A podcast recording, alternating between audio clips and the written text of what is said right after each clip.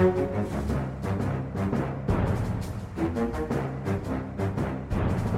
har en plan nå. En veldig, veldig god en. Ja, perfekt. Så nei, da er vi i gang med en ny Aftenpodden, en ny uke med alle i studio. Jeg er Lars Glomnes, og vi har med politisk redaktør Trine Eilertsen. Hallo. Hei. Herregud, så sur! Nei, ikke sur! Nei, bare effektiv. Her kommer vi godt ut fra hoppkanten, det kan vi bare trygt slå fast. Ja, og Sara Sørheim. Hallo. Hallo! Ja, Oslo, Oslo, lille lerke fra Oslo. Lille lerkefugl fra Oslo. Ja, ja. Jeg foretrekker å bli kalt den lille spurven. ja Ja, nettopp. nettopp. Eh, nei, men eh, du, eh, hva, hva, her er vi på plass, tilbake fra fjellet og alt mulig rart. Skal vi egentlig starte med å takke for engasjement etter forrige uke? For da må vi jo både Vi har gått, må gå oss selv både én og to av de som er her. Mange runder. Ja. Jeg kan, jeg kan beklage to ting. At det tok litt lang tid før resultatet på, på den lille geonøtten Ja, vi skjønner, skjønner, kom. Noen har jo holdt på å klikke lite grann.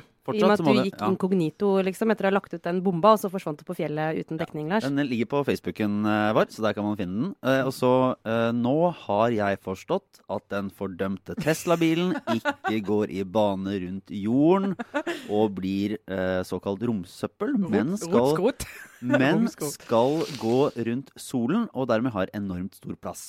Så jeg beklager at jeg hadde misforstått det. Det var jo dumt, da. Men nå trenger jeg ikke flere rettelser. Det var en litt sånn halvuraus måte å si takk for engasjementet på, Lars. Det var litt sånn uh... Jeg beklager hvis noen følte Hvis noen- seg støtt Ja, av, jeg- min, av min feil. ja, men siden vi er i siget, så er jeg, jeg, har jeg blitt eh, hørt som om jeg har veldig mye fordommer mot utviklingsland. eh, Med utgangspunkt i noe jeg sa om eh, ja, hvordan penger renner ut av en del land og korrupsjon og sånn. Eh, og det, jeg må jo beklage det òg. Det er ikke meningen det, å skjære alle over én kam. Så jeg, jeg, jeg trekker det. Fristende, men ikke meningen. Og du da, Sara? Har du Nei. noe du angrer på? Nei, jeg har ikke noe jeg angrer på i det hele tatt. Eller ikke som jeg vil si høyt, men jeg vil takke litt raust, i motsetning til eh, et par andre her, for eh, veldig gode innspill på det som var min eh, egentlig sånn tankenøtt forrige uke, og det var Jordan Peterson. Jeg har ikke kommet så veldig mye lenger, men jeg har fått mange gode tips på liksom, forskjellige gode intervjuer og saker om han. Jeg syns fortsatt han er et utrolig fascinerende fenomen. Eh, og nettopp en sånn type skikkelse som, som sprenger seg litt frem, som vi ikke skal bruke tid på å snakke om nå, men som er eh, sånne politiserte typer som eh, veldig mange forskjellige grupper liksom claimer som sine, men som egentlig er litt sånn eh, umulig å plassere. Og det er litt gøy, vi, og veldig slitsomt, at vi er en sånn type et, et, Vi er et sted nå i utviklingen hvor eh, ting er vanskelig å plassere. Yep. Få se på det som en inspirasjon. Og eh, vi kan eh, Ja, i dag, bare for å Vi skal snakke litt om Ja, det er jo litt en bit om Norges Banks årsmiddag. Ja. Der noen har fått sitte på, på et av de fine bordene. Eh, litt om bioteknologi, som nå kommer opp og blir en av vårens temaer. tema. Det er en sånn vårlig eh, sak, det. Det er så vårtegn. Ja, når, når den dukker opp. Eh, og så blir det litt nettavhengighet og Facebook og dilemmaer og vanskelige ting i den moderne, moderne liv. Og så blir det blir kanskje en liten SSB-snutt. Eh, Ja, vi får se. Kanskje, Men det får blir se. i hvert fall litt OL. ja, Det blir det. Det kan vi love. For eh, du har vært ute blant fiffen. Vi har jo utsatt uh, podkasten denne uken med en dag, fordi jeg har vært på eh, lederkurs og lært veldig mye interessant og mange fine ord. Ja. Det er jo noe som er, det er så fint når en gjeng med mellomledere fra journalistikken kommer til sånne litt mer corporate ting, da, og får høre om, eh, om ledelsesbegreper og, og tar litt mer den teoretiske tilnærmingen.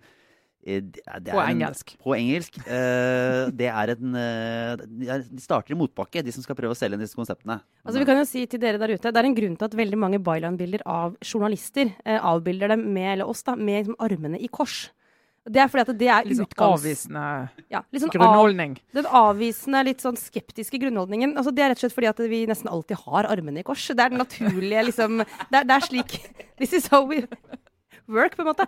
Så det, det er eh, verdens verste forsamling å møte hvis du skal prøve liksom, å tenne et slags sånt lys. da, Eller bare litt sånn, få til litt sånn engasjement og glød. Eh, særlig hvis du kommer med fagtermer på engelsk. eh. Så, så det der er du, Alle folk som kommer hit og holder lederkurs, vi takker dere fordi vi trenger det. Eh, Og unnskyld for at vi utstråler negativitet og uinteresse. Men det var jo ganske bra kurs. Ja, ja, det var fint. Så det, det var egentlig det, Men det kunne, ikke, det kunne jeg ikke slippe unna. Eh, og i går, det var ikke akkurat det som var grunnen til at du ikke kunne være med på podkast i går, Trine. Men Nei, det, nei. var, det var en bonus, fordi du brukte da kvelden på det som er årets mest fornemme anledning. Ja, altså, det er godt kildearbeid. Ja. Nei, det, det, altså, det er årsmiddagen nei, middagen etter uh, sentralbanksjefens uh, Øystein Olsens årstale. Den er hver, hver sånn ca. midten i februar uh, foregår den. Det er en torsdag alltid, og det er alltid eh, buffé på Grang etterpå. Og det er, det er veldig sånn uh, eh, bordplassering. Det her, Grang er jo veldig sånn gammelmodig, ærverdig sted. Så det er jo det er jo det, det er. Men, men vi må her få tegne et, eh, tegne et mentalt bilde for oss som eh, aldri har vært i nærheten av å, å delta på dette her. Men det er, hvor mange bord omtrent er det? Ja, hvor mange bord er det? Vel, jeg kan tenke meg noen og 20, kanskje. Ja, Ja, Også, altså, det, det beste er bare bord nummer én. Bord nummer én, og det er sånn midt i, midt i salen og med klart utsyn til den lille scenen som er der, for det er alltid litt underholdning midt i. Og litt sånn takk for maten-tale og sånn. Og så er det bord sånn to, tre, fire, fem. Altså de som sitter nært dette bordet. Altså de som faller viktighet, da. Hvilket bord kom du på i år? Vi må Nei, I år var jeg på bord nummer fem. Oi, det er bra. Ja, jeg tror da vi begynte å komme ned på det antall Altså ned i den eh, Hva skal jeg si eh, På det nivået der alt kan skje. Men på de bord nummer én og to sånn, der er det sånn faste som sitter helt og Der sitter finansministeren, der sitter sentralbanksjefen, der sitter uh, finansråden og ja, litt sånn De som alltid sitter der. Og sjefene i de største selskapene og litt sånn. Så de er jo sånn Telenor og DNB og sånn. De er jo stykk på samme bordet hvert år. Stakkars de, sier jeg. Vi andre vi blir jo flyttet rundt, og det er jo veldig gøy. For alle som er på den middagen, 200 et eller annet, de eh, er jo der i kraft av rollen.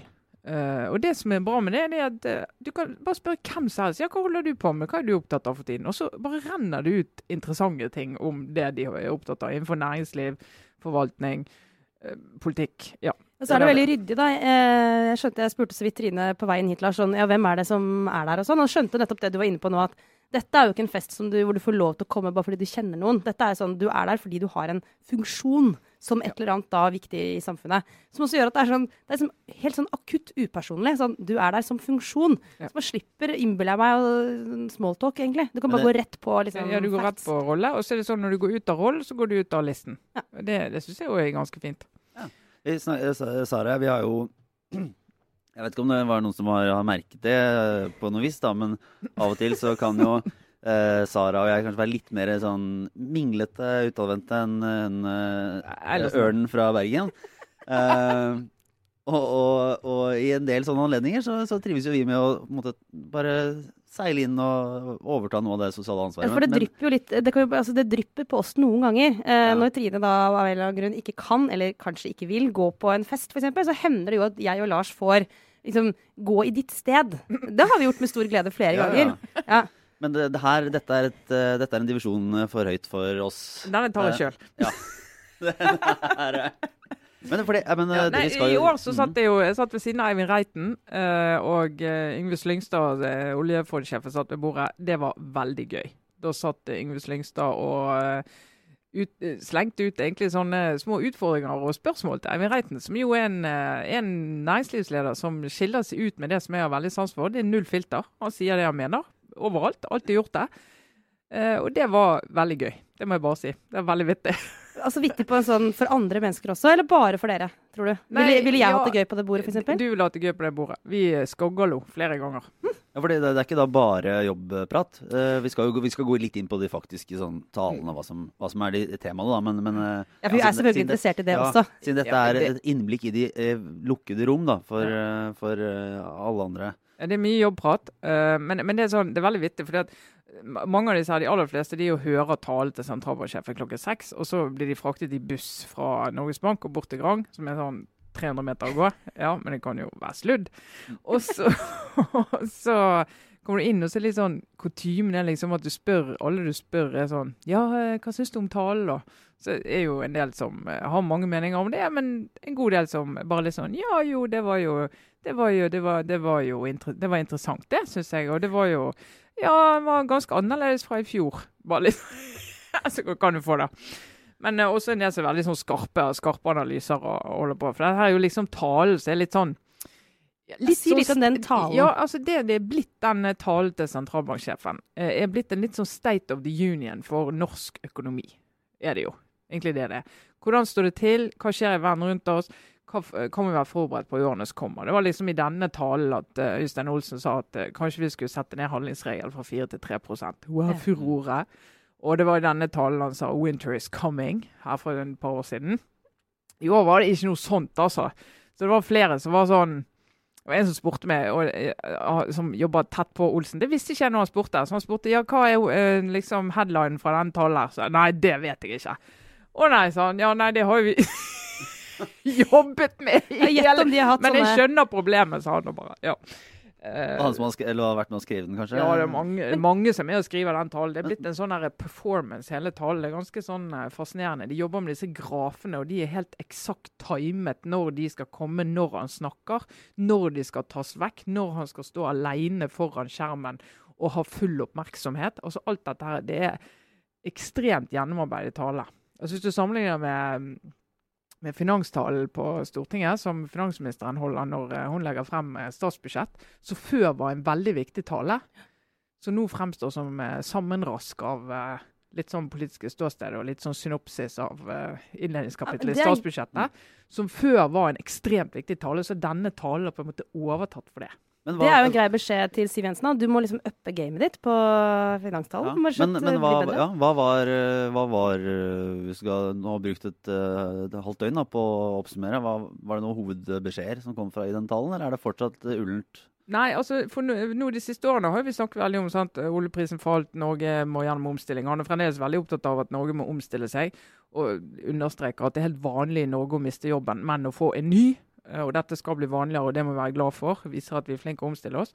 Eh, Men så snakker vi mye om de der store eh, Veldig mye tid brukte han på de store globale trendene. Altså teknologiutvikling, globalisering. At du har liksom fått understreket igjen altså at du har fått en enorm økning i arbeidsstyrken internasjonalt. Sant? Fordi at Asia og Øst-Europa er liksom blitt en del egentlig av vår arbeidsstyrke i kraft av at de produserer produkter som vi kjøper. Og hvordan det påvirker lønnsutvikling og, ja, viktige størrelser i Norge. da. Så det er Så han sånn, malte det store bildet, virkelig. ja, virkelig det store bildet. Og litt sånn analyserende. Og ikke med så veldig mange skarpe meldinger som man av og til har kommet med før. Hvor det har vært litt sånn nå, nå må politikerne passe litt på. Var, var han innom uh, Hadde han hørt på Aftenpodden forrige uke og snakket om sånn Google-skatt? Eh, nei. Men han nevnte Google. han nevnte de fem største selskapene i verden som er teknologiselskaper. Uh, og hvordan uh, winner takes all i den verden der, og hvordan det forflytter makt og ressurser, og, og hvem, som, hvem som får glede av veksten i verden. Da. Du har sett det i en del enkeltland hvor globaliseringen gjør at ja, hvis du ser på tallene, så har du vekst for alle. Men det er noen som får en mye større andel av den veksten enn andre. Og så forklarer jo en del av misnøyen i ja, eh, UK og USA for den saks skyld.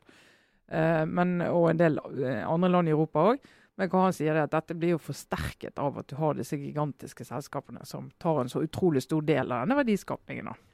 Det er en stor historie. men, eh, Når jeg begynte å jobbe i pressen for, eh, eller egentlig på Blindern for ganske mange år siden, så var liksom, ordet globalisering sant? Husker dere Attack og alle de forsøkene med å skape liksom, en ny politikk for en sånn offensiv venstreside og bla, bla, bla, som jo ikke gikk så bra. Men, eh, men det er egentlig først nå at liksom, det der globaliseringsordet virkelig sånn, i all sin kraft Uh, man kan kanskje si slår inn, da, fordi du får den der uh, på toppen-trinnet. Som vi snakket om i forrige uke. Trenger ikke å gå gjennom det alt igjen nå, men, men egentlig, sannsynligvis, hvis vi ser tilbake på disse årene om en viss tid, så er det jo uh, de teknologiselskapene sin påvirkning på den globale økonomien som sannsynligvis vil være en av de store liksom, historiene.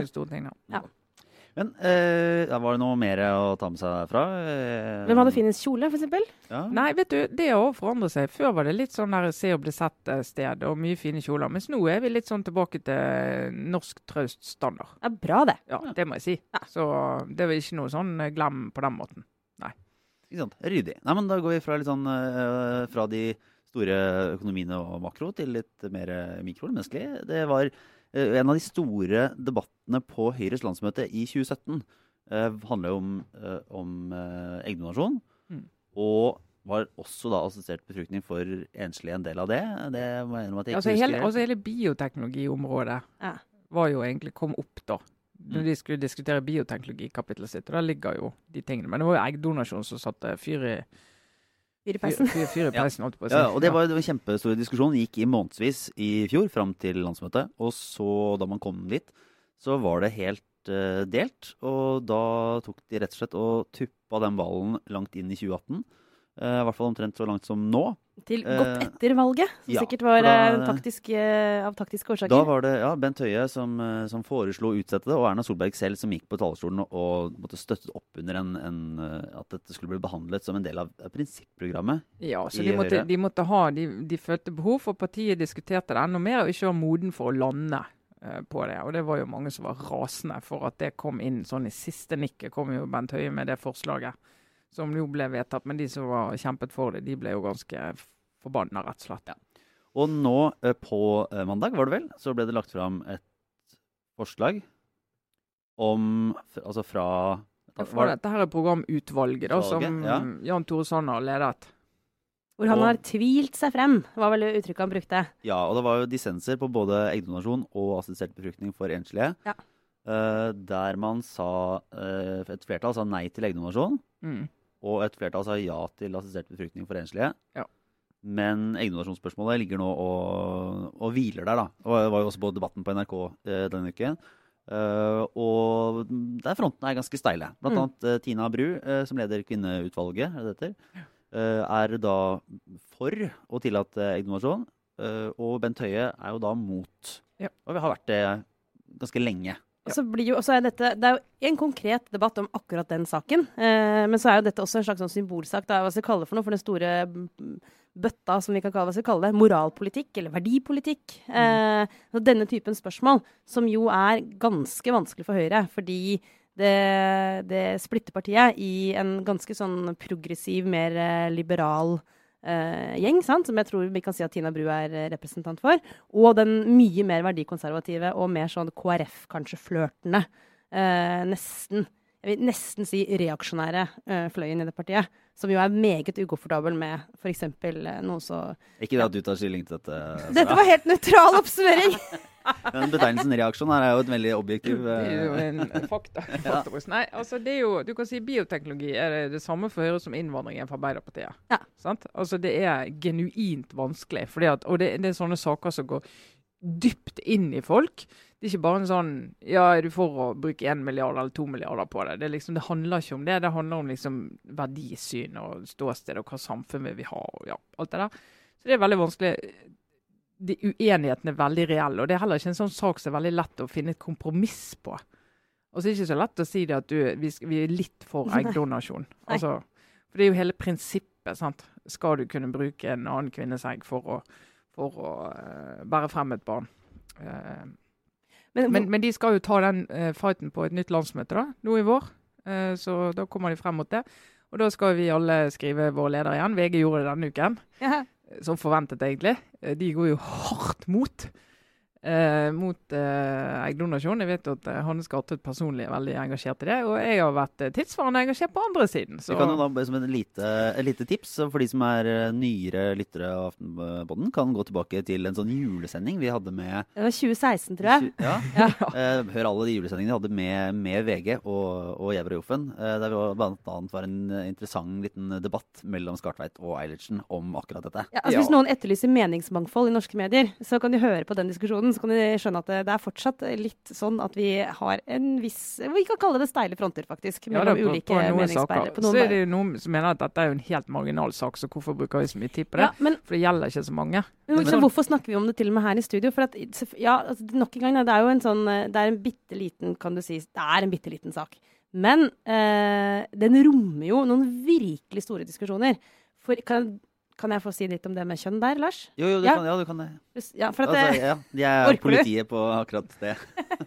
jo, jo, men, men poenget er jo at uh, jeg syns ikke det er noen veldig enkel sak i utgangspunktet heller, altså. Eh, Det er akkurat som abortsaken. Uh, den er, kan, man kan gjøre den veldig enkel, men det er klart at sånne saker er aldri svart-hvitt.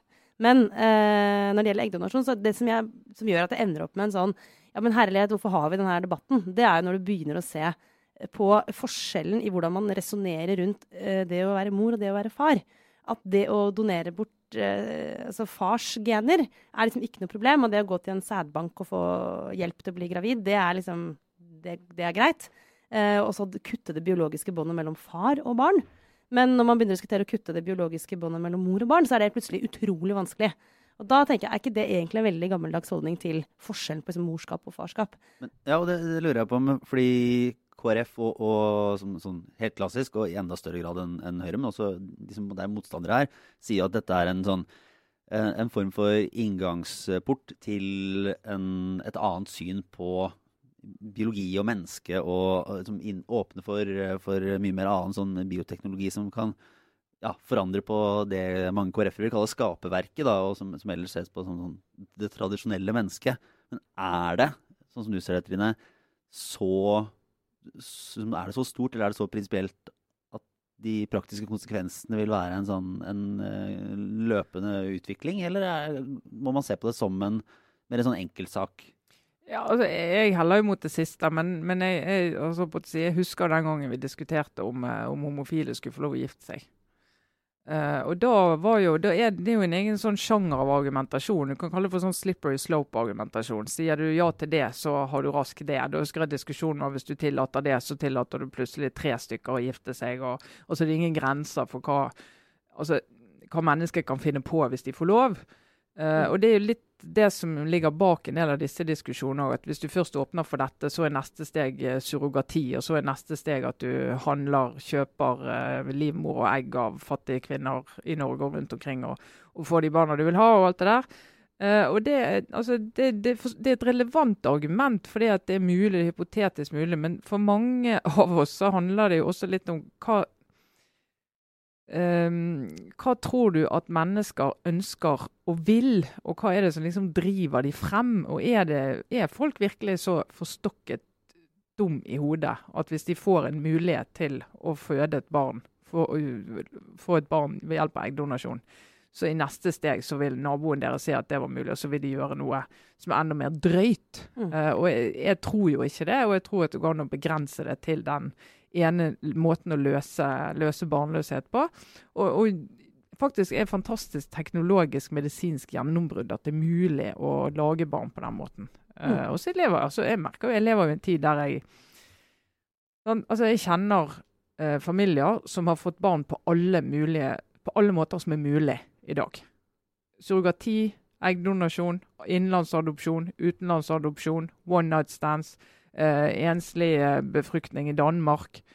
Altså alt. Sånne barn kjenner du overalt. Og jeg merker jo at jeg blir veldig farget av at disse barna er, de er rundt oss. De er skjønne unger med skjønne foreldre. Eh, og det, for meg blir det veldig sånn veldig spesielt å diskutere om det er sunt for det ene barnet å vokse opp med en mor som ikke har det, mm. akkurat det biologiske båndet, enn det er for det barnet som har det. For når du ser det i praksis, så blir det en veldig sånn ja, teoretisk diskusjon, etter min mening, men der er det jo det er jo det debatten står om. Ja, men tar bare lurer på, fordi den, Den ene det er jo det spørsmålet, her er i hvert fall dere ganske enige. Så vi kan jo begrense liksom, verdien og debattere det veldig mye fram og tilbake. Det er veldig gøy å diskutere ting man er enig i. Ja. Da kan man bare fortsette og fortsette. og fortsette. Ja. Så, jeg vil bygge videre på det Sara sa. Ja.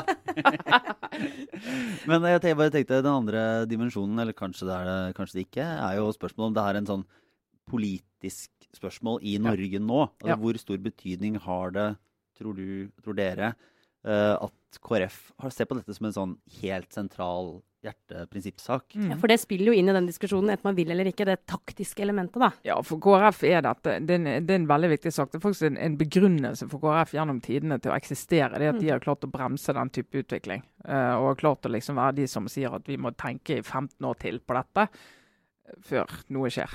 Men, uh, men, det som er nå, KrF er ikke regjering, det er ikke en samarbeidsavtale med regjeringspartiene. Uh, Høyre kan lande på samme standpunkt som de har vært på før, at de er mot eggdonasjon. Uh, og da vil de finne for så vidt sammen med KrF, men de kan bli overkjørt i Stortinget, bl.a. av Frp og Venstre i regjering, som har varslet at ja, men vi er for, og det er de jo. Mm. og da kan du komme i en situasjon der KrF opplever at de ikke har den makten som de har hatt når de har sittet på vippen eller i en samarbeidsposisjon på en av de sakene som er helt ekstremt viktig for dem. Så Det er klart at det finnes folk i Høyre som mener at Høyre er nødt til å lande på nei til eggdonasjon for å ikke helt miste det fortrinnet de har hatt foran Arbeiderpartiet når de skal argumentere overfor KrF at dere må samarbeide med oss og ikke med de. Og Det mm. hører du ofte KrF-ene sier, og de sier det veldig bevisst òg, at Høyre er sammen med oss i verdispørsmål. Og Da er det bl.a. dette de tenker på. Så Hvis de mister Høyre der, så kan det bli mer fristende, enda mer fristende å ta steget over til andre siden. da, er vurderingen til noen. Eh, men KrF kan jo oppleve med å tape den saken uansett. Hvem er det som er Altså det er, det er KrF, eh, kanskje Høyre, og så er det Senterpartiet som Ja. er mot eggdonasjon. Ja. Ja, som er den, den reaksjonære blokken i norsk politikk, eh, helt objektivt sett. Jo, men altså, det er veldig interessant hva de Altså en, en liten, eller eh, eh, altså om det er en, et mindretall, eller om det er et flertall av Høyre, men altså en del av Høyre. Eh, Sammen med da KrF og Senterpartiet. Det er tross alt ikke veldig representativt for eh, de norske velgerne. Nei, men, men bare for å si det, da. Ja, velgerne, de velgerne er jo faktisk kommet litt lenger enn en Ja. partiene. For det er flertall blant, blant norske velgere, eller de som svarer på meningsmålinger, i hvert fall da, eh, for det. Men det er klart, diskusjonen har vært vanskelig i nesten alle partiene. Og så er det jo bare noen få partier som syns dette var veldig enkelt å lande. Arbeiderpartiet har hatt krevende diskusjon, SV har hatt krevende diskusjon. Mm. Eh, Og det, altså, det er ikke, ikke sånn Og det synes, jeg syns jo det er veldig bra at vi har gode diskusjoner, at du går skikkelig inn i de partiene, og at det er lov å være uenig inne i partiet. For det er jo sånne spørsmål som sitter dypt inni folk, Mm. eh, og som handler om mer enn som sagt bare kroner og øre, og om vi skal gjøre det om to år eller fem år. Og det, ja. Si, det er en liten, eh, det har antakeligvis fått eh, ros for før, men det er jo alltid gøy når du ser interne partidiskusjoner tas ut i offentligheten. Eh, Høyre har gjort det litt sånn Jeg skal ikke anklage det for å være gimmickete, men jeg har i hvert fall vært tydelig på at vi skal være et sånt parti som, som eh, tar de debattene åpent. Så Mm. da står det jo på NRK og er rykende uenige. Tina Bru og Bent Høie. Og det, er sånn, det blir jo ganske interessante politiske diskusjoner av. Det gjør det. Men, det, men hvis, klart, hvis Arbeiderpartiet har gjort det samme, så ville Høyre kalt de for vinglete. Men uansett, så det er jo veldig, det er en veldig interessant Vi eh, kommer tilbake til det helt sikkert en annen gang, men, men sånn helt kort så er det en veldig interessant eh, for forskjell i partikultur mellom Høyre og Arbeiderpartiet, akkurat det der. Og kanskje også er det en forskjell på rett og slett høyre- og venstresiden. Eh, det med å liksom danne felles front, eller det å tillate en sånn åpen uenighet. da. Eh, uenighet er det i alle partier, men altså på hvilket nivå legger man uenigheten? Eh, er det på bakrommet, eller er det liksom eh, upstage eller frontstage, eller hva man skal si på Arbeid, norsk? Arbeiderpartiet har jo fulgt det som er en veldig moderne ledelsesfilosofi, med 'fight and unite'. Det har du lært på kurs! Men problemet med Arbeiderpartiet er at det er ofte 'fight and never unite', som Ja. blir veldig veldig, veldig slitsomt i lengden. Det er vanskelig. Ja, ja. Nei, men vi, eh, vi går vel eh, videre fra det her, egentlig. Vi har en- en liten eh, Vi hadde en fin overgang klar der til deg. Apropos bioteknologi. Nei, Nei. Nei det var i sted. det var Ja, det var for å prøve, okay. å prøve nå, så kan vi, nå har vi sløst bort den muligheten. Men det var egentlig, vi prøvde å finne en eller annen måte vi kunne få liksom plassert eh, Nadia fra eh, Le Byrå Le Bureau, inn ja. i denne podkasten. Ja, det var det vi skulle. For, Ja. for du begynte å se på Le Byrå endelig. Ja. Og så måtte jeg bare si at hun Nadia Almansor jeg, skal bli hun Ja. i mitt neste liv. Skal jeg bli Nadia Almås? Skal jeg se ut akkurat som hun? Hun er, hun er fantastisk. Og det var da vi tenkte at i så fall må du, trenger du tung, tung hjelp fra bioteknologi, Trine. Ja, no det, det offense. gjør jeg. Det gjør jeg. Altså virkelig. I, i alle ledd. Men uh, i hvert fall ja, vi, kan, vi fortsetter. å. Metoo. I, Ja. eh, i eh, sånn, teknologi skal vi i hvert fall videre til. Eh, fordi vi har lest med stor interesse, i hvert fall Sara og jeg, om uh, en, en artikkel som var altså, to år på innsiden av Facebook. Mm. Som også ligger på, på vår Facebook-side, siden vi også er slaver av dette store maskineriet. Ja. Uh, og en, uh, en sak som var i Aftenposten om denne hva skal jeg si, frykten for, for hva teknologien gjør med oss. Og den er litt mer hva skal jeg si, Den er jo litt mer vanskelig og, og komplisert enn den, den gamle litt sånn, tradisjonell teknologifrykt. For det dreier seg om altså, hva gjør eh, disse Det som nå omfatter oss på alle områder, med, liksom, med Facebook og Google, alle nettsamfunnene og alt det som lages av supersmarte mennesker med det uttrykte målet å fange oppmerksomheten vår mest mulig og gjøre oss, om ikke medisinsk avhengige, så er det sånn OK, vi skal fange folk så lenge som mulig, så mye som mulig, og holde dem her hos oss. Mm. Og så ser man på de potensielt negative konsekvensene av det, sånn menneskelig. Han eh, som vår USA-korrespondent, Kristina Pletten, eh, intervjuet i den saken du snakker om nå, øh, jobbet i Google, var vel en Husker jeg riktig nå? Uh, Ja, jobbet i Google. ja, et av de selvfølgelig aller mest innflytelsesrike selskapene. Og snakket om det der hvordan øh, f.eks. de der små røde prikkene, sant? de er notifications på Facebook. Hvordan du bare du klarer ikke å la være å, å klikke på dem. sant? Og den der, når du har lagt ut en post og liksom likesene begynner å renne inn, eh, så er det selvfølgelig litt sånn åpenbart ja, det er gøy å se at folk har lest det du skriver og er enig, men poenget er at det appellerer til noe liksom dypere i oss. Eh, en annen eh, artikkel jeg leste for lenge siden, brukte eksempel det å, være- i gamle dager, når man liksom gikk og venta på posten. Det, når du hørte der lokket når postmannen vært i postkassa di, og liksom, du hørte lokket til postkassa gå igjen, da måtte du gå ut og se hva du hadde fått. Du, du tenker ikke sånn 'Å ja, fikk jeg post, jeg venter til i morgen med å sjekke hva det er'. For det er et eller annet en dyp sånn menneskelig nysgjerrighet og interesse når noen liksom prøver å få din oppmerksomhet. Eller det skjer noen som vil gi deg en beskjed. Eh, men da var det liksom en gang i døgnet. Men nå får du en liten sånn Den der lyden av postkassa kommer liksom hele tiden, sant? Mm. Eh, og du vet det er noe som omhandler deg. Det er noe som skal til deg. Og da, eh, uten at jeg er noe, overhodet noe ekspert på det, men da ifølge de som kan dette, så appellerer det helt sånn instinktivt til oss. Ja, og det er et Eh, belønningssenter i hjernen. ja. Og, det har, eh, og det har jo eh, Det er faktisk litt sånn medisinsk avhengighet i det òg. For det er samme, samme funksjon, akkurat det samme som skjer i hjernen. Du har en sånn forventning om en belønning. Når du åpner Facebook-appen på, på telefonen din for å se om det har skjedd noe, så bygges det en forventning inni deg som du får stilt når du ser at du har fått noen likes og et eller annet har skjedd der, eller du finner noe du liker.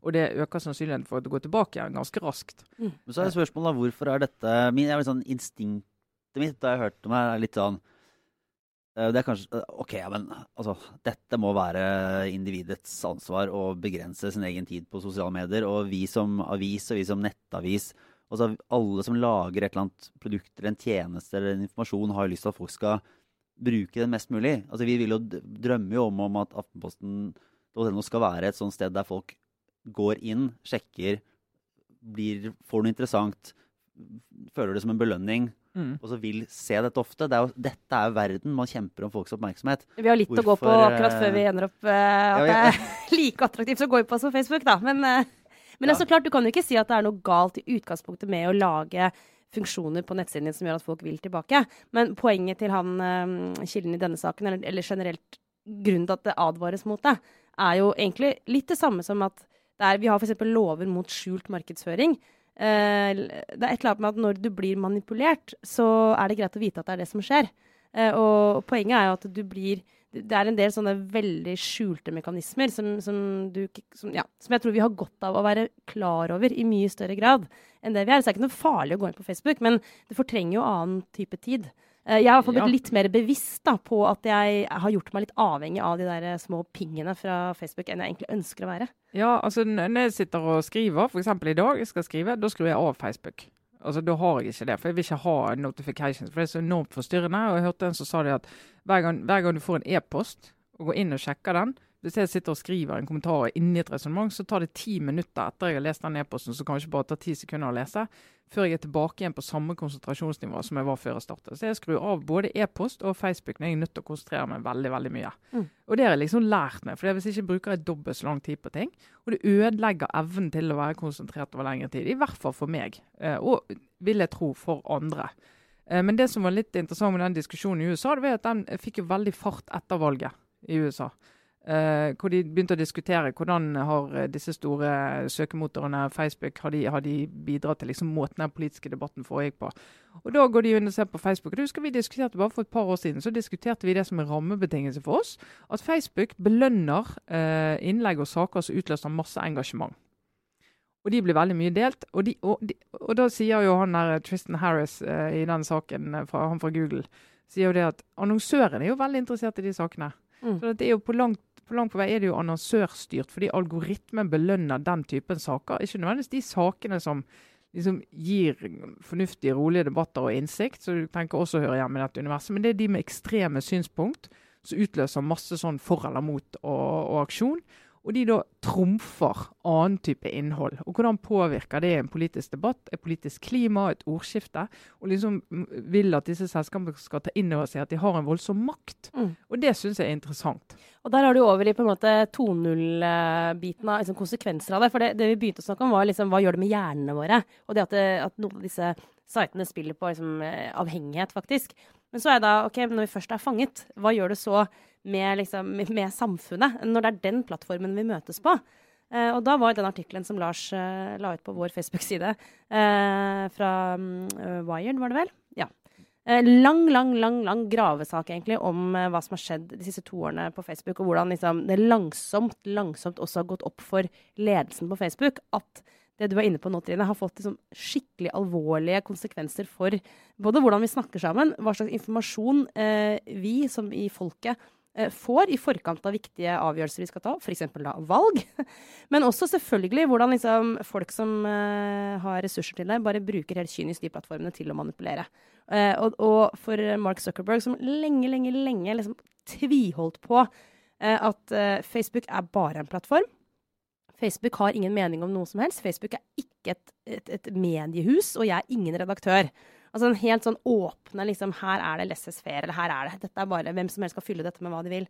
At han langsomt langsomt har blitt presset ut av den posisjonen. da, Og nå sannsynligvis har liksom tatt inn over seg, det ser man de siste endringene de har gjort også, at, at de faktisk eh, Det fins ingen nøytral posisjon.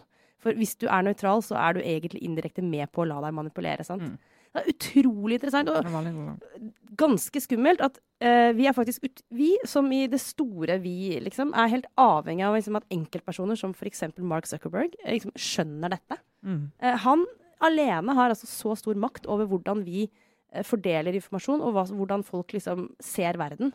At det er helt sånn, Du skal få helt vondt i magen som tar det perspektivet innover seg. Så han må bare Jeg leste heldigvis i den artikkelen at Barack Obama og han visstnok skulle hatt en prat i fjor.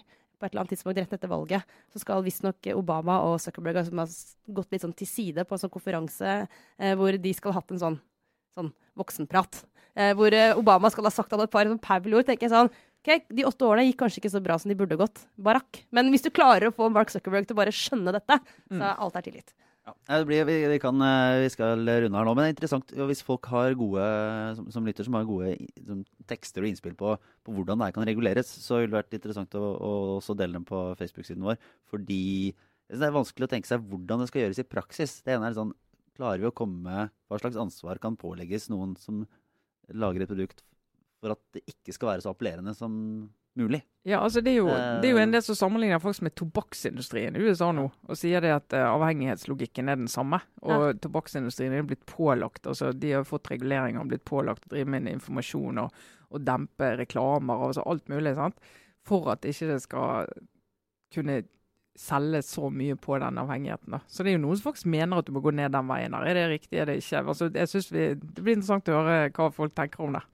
Med en gang vi slipper å, altså med en gang vi liksom går ut av sånn eh, Skal han få være i sentralstyret fortsatt eller ikke? Altså sånne, der, sånne der små saker i norsk politikk. Men liksom man løfter blikket. Denne sendingen her har vært litt sånn løfte blikket-sending. Herregud, det er noen så utrolig store spørsmål der ute som er sånn Og litt sånn som å tenke på sånn Hvor slutter verdensrommet? Så bare au, au, au, au jeg får vondt i hodet. Ja, Det må bare- tenke på. Hvordan kan den bilen gå rundt sola? ja, ja. Det er litt den følelsen jeg får når vi snakker om Facebook og eller liksom alle disse store tingene i den globale økonomien og sånn, så bare får vondt i hodet og bare Å nei, gud, kan vi ikke snakke om noe annet? Men nei, vi må jo snakke litt om de store spørsmålene, for det er liksom eh, Nei, nå holdt jeg på å si Det er våre barns, det er våre, våre barns framtid som står på spill. Men det er jo det. Så. Ja, ja. Nei, men vi eh, går vi, vet, vi burde egentlig hatt noen eh, veldig gode, men ubekreftede rykter, særligheter, eh, etter din Ja. middag i går, Trine. Men det vet jeg ikke om vi egentlig har. Men vi har vel noe obligatorisk refleksjon, i hvert fall. Oh, ja. Sara Sørheim. Mm, I går hadde jeg en veldig tøff eh, dag på jobben. Jeg måtte sitte hjemme og se fire OL-øvelser etter hverandre, faktisk. Eh, fordi jeg har tatt på meg den krevende oppgaven der å anmelde TV Norge sine OL-sendinger. Ja. Så det, har jeg, det skal jeg bruke resten av dagen på i dag også. Ha, det harde, moderne arbeidslivet. Ah. Ja. er. Brutaliserte arbeidslivet. Ja. Brutalisert arbeidsliv, ja. Ok, Gi oss en eh, kort oppsummering. Eh, TV Norge er jo OL-debutant. Eh, har aldri hatt, eh, vært liksom home of the Olympics, som de reklamerer med, før. De har gått overraskende bra. Eh, bortsett fra to ting. Det ene er eh, på en måte en, et problem som alle har. Det andre er eh, særegent for TV Norge. For å ta det siste først. De er skikkelig dårlige på som, å lage folkefest eh, på kvelden. Og da snakker jeg helt spesifikt om dette programmet OL-kveld, som er et mageplask. Jeg vet ikke om dere har eh, sett på det? Nei. Nei. Nei, ikke så mange andre gjør det heller. Men altså, det er jo da storsatsingen med eh, Jon Almås og Anne Rimmen. Eh, som Er sender i Oslo? mm, Mm. hver kveld fra sentralen her i Oslo. Um, jeg trenger ikke å snakke om dette her i evigheter. Altså. Jeg vet ikke om dere er sånn ekstremt i målgruppa, men hvis noen der ute da, av lytterne våre er det, så kan jo dere spille inn om dere er enige med meg. Men jeg har kommet frem til at selv om jeg er et ektefølt uh, virkelig barn av ironigenerasjonen, og ellers er sånn som deg, Lars, sånn armene i kors, ironi, angst, bitersk, så Oi sann, unnskyld, kanskje jeg var litt vel ærlig. Sånn negativt innstilt? Ja, Ja. Ærlig herlig var det det, Sara. Det må vi snakke om. Vi, det, det snakker vi, om, uh, vi har lært på lederkurs hvordan vi skal snakke om Ja, ja, dette. Det tar vi etterpå. Nei, men Poenget mitt er bare at i veldig mange andre settinger så liker jeg den litt sånn der ironiske holdningen. Men ikke under OL. Men har de ironisk holdning under ja, det er, OL? sånn, det er liksom masse humorinnslag og sånn tøys og tull og Du er Halvard Flatland, du. Jeg vil ha Halvard Flatland fra banken på Lillehammer, sånn som i 1994. Jeg vil ha gullsnørr og gulltårer. Jeg vil hjem til mora til Ragnhild Haga. Jeg vil til Rognan. Jeg vil se den garasjen hvor folk heier på Marit Bjørgen og begynner å grine når hun vinner, som jeg håper hun gjør snart. Altså, Jeg vil bare ha de der følelsene. Jeg vil ha sånn ekte inderlighet. og Det er det sport handler om. Orker Jeg vil ikke ha Espen Eckbo sin figur Asbjørn Bakke som står og liksom, har sånn ironisketsj om hvor teit det er i OL. Jeg blir, jeg blir faen meg Unnskyld uttrykket. Jeg blir, jeg blir sur av det. Du var så irritert av det, Ja. ja. ja. Nei, dette har jeg ikke sett, så jeg skal ikke mene om. Det eneste jeg tenker er at jeg vil jo ha intervjuer med alpingutter når de har vunnet medaljer. Det vil du vel. Nå, nå Det skal, vil jeg, skal jeg gi et godt, men ubekreftet rykte. Kan jeg bare si hva jeg ikke kommer til å snakke om, men som jeg virkelig Ja. er lei meg for? Jeg, jeg må finne et forum på internett hvor jeg kan snakke om det andre som var min OR. Som var rett og slett uh, den kollapsen det er i en samlet kommentatorstand. Eh, når det gjelder evnen til å kommentere intervallstart eh, på en bra måte. Det jeg mener, det er selve liksom, kronøvelsen, selve femmila, eller liksom Det er her du skiller mus fra menn. Og det er foreløpig kun Kjell Kristian Rinke og eh, Jon Hervik Karlsen som har klart det bra i Norge. Og heller ikke TV Norge lykkes med denne gangen. Det også, men det, det jeg kan godt snakke med noen likesinnede om akkurat dette. Da, da det, kan prate om det også etterpå. Nei, det, det gode med en ubekreftet rykte er at jeg, i, red, i redaktørkollegiet så, så står det eh. Det står eh, plassert et, eh, på en, måte en, eh, en klassisk utgave av A-magasinet med et bilde av Aksel Lund Svindal som dersom noen kjønnsroller hadde vært bytta om, så ville det vært sett på som muligens upassende. Nei, jeg er jeg helt uenig. Og du mener at en av redaktørene i. Aftenposten har Aksel Lund Svindal i undertøy eh, stående fremme på pulten sin? Dette er en ikonisk førsteside fra et ikonisk A-magasin som jeg syns det er riktig å ha oppe nå når det er vinter-OL. Eh, ja, Aksel Lund Svindal står i Undiken. Men ikke bare det. det ikke bare det. Men jeg kan vel legge til at denne anonyme eh, redaktøren har hatt denne plak eh, dette bildet oppe også før vinter-OL, da. Men kanskje som en del av oppladningen. Det er helt tilfeldig. Ja, det er et, et, et, eh, godt stykke journalistikk og fotojournalistikk. Det er si. Og du da, Trine? Ja, nei, altså, jeg, jeg vil jo bare jeg vil jo hylle, hylle Aksel Lund Svindal som tok utforgullet. Det var det han, det er det han eh, har gått inn i denne sesongen for å gjøre. Å starte den sesongen sånn som han gjorde etter det fallet i Kitzbühel i fjor. Og komme tilbake etter de skadene og si jeg skal gå inn i denne sesongen med tanke på å vinne utforgull i Pyeongchang, og gjøre det. Eh, Det, det er også så imponerende. Det er så imponerende med, med, med 1200-delers margin. Det var som eh, Robert Veiåker eminent skrev i kommentaren sin i går. Hva kan et menneske bruke 1200-deler av livet sitt på? Jo, han kan tape OL-gull i utfor. Det, det er en fantastisk prestasjon. Så det, det må jeg bare få nevne bare sånn som en liten eh, notis. Men det jeg har lyst til å si, da, eh, er at jeg var og gikk på ski i, eh, i Marka på søndag. Eh, Og det, jeg bor jo rett eh, ved Marka, så det gjør jeg gjerne. Så har jeg hatt en sånn dårlig vinter her i Oslo. Det har ikke vært så mye med det, egentlig. Men jeg kommer jo fra Vestlandet, og vi har jo liksom hørt om denne her eh, legendariske Marka i Oslo. Eh, Jeg kan fortelle første gangen jeg liksom fikk et forhold til det. Var på 90-tallet. Jeg besøkte noen venninner i Oslo som hadde flyttet hit. Gikk rundt i byen. Og så var det en sånn sportsbutikk, utenfor alle sportsbutikkene på vinteren, så sto det sånne skilt hvor det sto sånn Markaski-pakke. sto det. Og så, så tenkte jeg ja vel, Markaski-pakke 1299. Sånn sto det rundt omkring utenfor G-sport. Sånn. Så gikk opp til hun ene venninnen og sa du, det er makaskepakke, hva, hva er det for noe? liksom? Alle sports... Markaskipakke du mener, altså. Hun da, ja. Så det har jo jeg blitt det, Alle i min omgangskrets kaller det for makaski. Sånn er det. Det får jeg bare leve med. Men eh, De har ledd av meg i 20 år. Men nå bor jeg jo her og lever her. Og den legendariske marka. Men det må jeg si, altså. Oslomarka. Det er så genialt. Det Jeg blir sånn- så glad når noen fra Bergen ja, sier ja, det, nei, Lars. men Jeg det, det må jeg bare si. Det er helt sånn spesielt genialt. Og det, det er jo, det, du kan ta T-banen opp, opp til Sognsvann eller opp til Frognerseteren, ta på deg skiene og bare gå i ja, Du trenger ikke å slutte å gå. Du kan bare gå og gå og gå. Og Du kan gå og legge deg inn på hytta, du kan spise verdens største boller. du treffer ikke... Det er for eh, folk som er veldig flinke på ski, som det er mange av i Oslo. Så er folk som er ganske dårlige på ski, langrennsski, som jeg er, som er født og oppvokst med å bare gå oppover med skifeller. Og så kan gå rundt der og, og kose ræven av oss, altså. Nei, det må jeg si. Hylle marka. Og alle kan bruke marka i Oslo. Så veldig positivt. Jeg skal fortsette med en eh, helt veldig kort avslutningsvis eh, kjapp anbefaling. Som den kom eh, til meg som et tips i forlengelsen av Trine Eilertsens noe nedlatende kommentarer om afrikanske ledere og deres evne til å ta vare på skattepenger. Eh, men Nedlatende, men presise, kan vi kanskje si. Ja, ja, det er fordomsfull. Fordomsfulle Det og, og generaliserende. Men eh, ifølge denne den, den mangefasetterte Instagram-kontoen til visepresident Teddy Nguema, som jeg skal, fra Ekvatorial Guinea, uh, som jeg skal lenke til på Facebook-siden vår, eh, så, så kan du treffe innimellom, da. Ja, Eh, ja. Nå skal ikke jeg, jeg, jeg helt på jorda. jeg skal ikke snakke stygt om uh, Teddy, men uh, Instagram-kontoen viser noe av de mange sidene ved å, å leve et relativt rikt liv som, uh, som statsleder i et fattig land. Ja, og Den viser også at uh, metoo-kampanjen er ikke ferdig. Den må, om ikke, den har ting å gjøre fortsatt her, men den må også reise til Må komme sørover. Den må komme seg dit og bare gjøre en liten jobb. For det, de, det der er altså så mange halvnakne damer på en eh, statsleders konto. Det, det, men det kan vi ikke leve med i 2018. Det går ikke. Nei.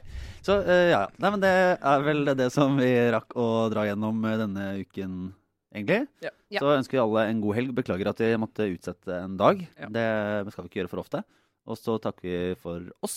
Trine Eilertsen, Sara Sørheim, jeg er Lars Domnes. Ha det bra. Ha